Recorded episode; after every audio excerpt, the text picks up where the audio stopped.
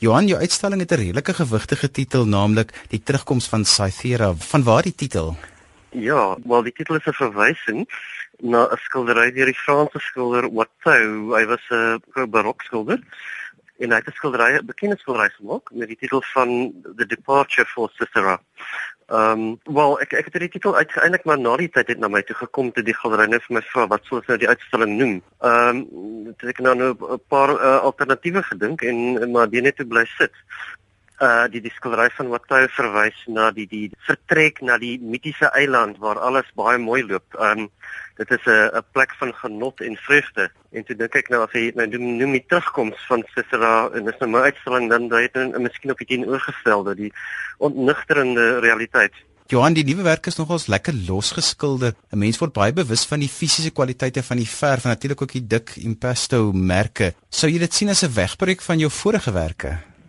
Weet jy, ehm um, so 'n bietjie ja en ook nee. Ek dink die die, die fisiese, jy weet, like die fisiese haptiese kwaliteite van die verf was was nog altyd daar. Ek ek dink wat hier gebeur het is miskien bloot dat die vormgewing nie meer noodwendig meer so geweldig ehm um, styf is nie. Of styf is nie heeltemal die regte woord nie, maar die die ek ek ek ek kwal my miskien 'n bietjie minder oor of of iets ehm um, nou korrek waargeneem en as sodanig weergegee is of nie. So in daai opsig dink ek raak die die kwaliteit van die verf miskien meer ooglopend in in, in die werk. Ja. Die persvrystelling noem dat die tentoonstelling minder fokus op um, sosio-politieke kwessies waarvoor jy baie bekend is, maar eerder introspektief van aard is. Hoe sien jy dit? Ja, kyk net sê ek dink daardie sosio-politieke kwessies, ek weet nie, um, ek dink sommige mense sal heeltemal daarvan verskil, maar ek, ek dink tog so dat dit in van die dat 'n baie so van voorhand liggende venster op my vroeëre werk so een sou kon wees. Terwyl ek dink met die werk wat ek nou doen, dit van dit is baie meer idiosinkraties en jy sal waarskynlik 'n bietjie swaarder kry om dit binne 'n sosio politieke uh, krampie in te druk. En en dit is dan uh, vriendeliggend meer meer privaat. Nee, dit bring ons albei tot die surrealisme. Ek, ek het nog altyd 'n liefde gehad vir die surrealisme alhoewel dit nooit pertinent was die werk wat ek doen nie. En ek dink ook nie dit sal ooit werklik pertinent wees nie maar um, ek dink ek kan dit so so ver druk soos wat ek nou gedoen het. En ek en ek dink die surrealisme is iets wat wat wat onvermydelik en onmiddellik uh, van mens meer van 'n venster gee op die subjektiewe en die persoonlike. Johan die motiewe van diere ek sien daar's veral hyenas en perde waarvan ook sommer gedood is is baie prominent in die nuutste werke. Vertel ons van die assosiasies hiermee. Een van die assosiasies van dit bring, bring ons nou onvermydelik weer terug tot die historiese tot Suid-Afrika tot tot ons omgewing. Ek meen uh, maar honde wat in Sultanship rondloop, jy weet dit is so 'n middellike ehm um, voorheenliggende verwysing. En dieselfde met perde. Maar ek meen jy kan dit ook histories vat. Ehm um, ek ek, ek onthou ek terwyl ek besig was met van die werk deur 'n boereboek oor die Anglo-Boeroorlog geblaai en dan sien hierdie uh dooie perde, jy weet wat honderde perde wat wat wat deur die loop van die oorlog doodgeskiet is en gevrik het dit dit is soort van deel van die landskap dan en dit trek my aan. Terselfdertyd sou ek my indink dat dat dit ook dan um, op 'n meer uh, subjektiewe vlak as 'n sterk argetipiese simbool kan funksioneer en dan is jy heeltemal buite die die die venster van die van die van die historiese. Johan, ek is 'n groot uh, aanhanger van jou werk en iets wat my altyd opval is jy gebruik natuurlik van grys. Ek neem aan baie mense verwys ook daarna en dit vervul dalk baie keer groot vlakke in die doek. Vertel vir ons van hierdie fascinering met grys. Ja, weet jy, ehm um, dis 'n bietjie ja, en nee, ek is baie lief vir die kleur grys, maar ehm um, daar's soveel kleure binne grys, veronderstel ek wat dit vir my juist vir my die aantrekking is daartoe.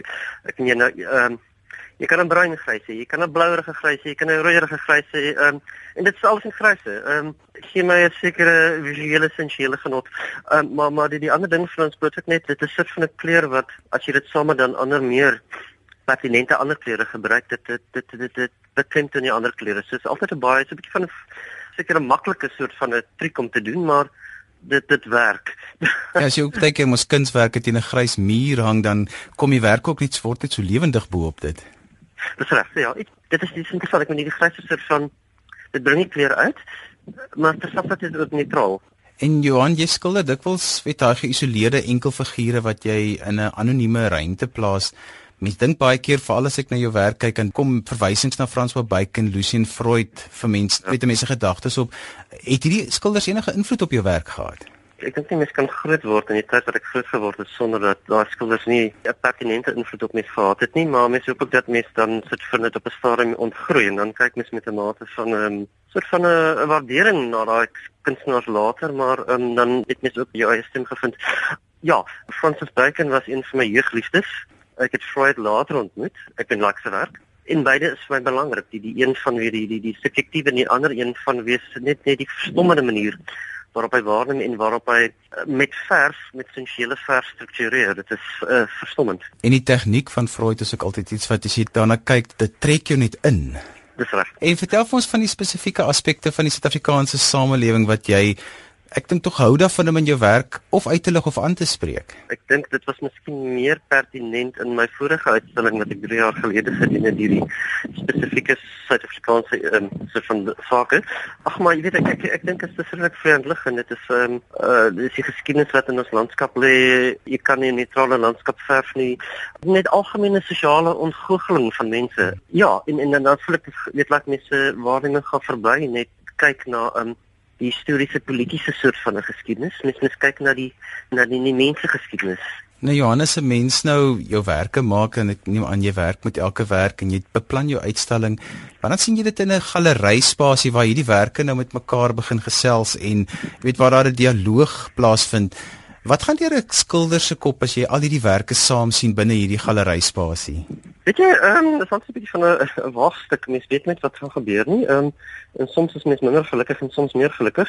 Ek moet sê met die huidige uitstalling is ek het, het die die ehm um, galery besluit om my werk baie uitmekaar te hang. Met ander woorde baie meer ruimte tussen die werk toegelaat wat 'n regtig groot ehm um, uh, luxury is wat mens nie gewoonlik kry nie. So ek is ek is baie dankbaar daarvoor en ek, ek dink in hierdie geval lekker nogal goed. Ek ek is nogal gelukkig daarmee. Natuurlik is dit altyd vooropgestel die idees van hoe jy nou dink die werk gaan hang en sodat dit dan op 'n spesifieke manier lees en dan hang iemand anders dit nou like dit nou dan sit nou nie presies wat jy gedagte gehad het nie, maar dit dan dit was selfs beter. So ja.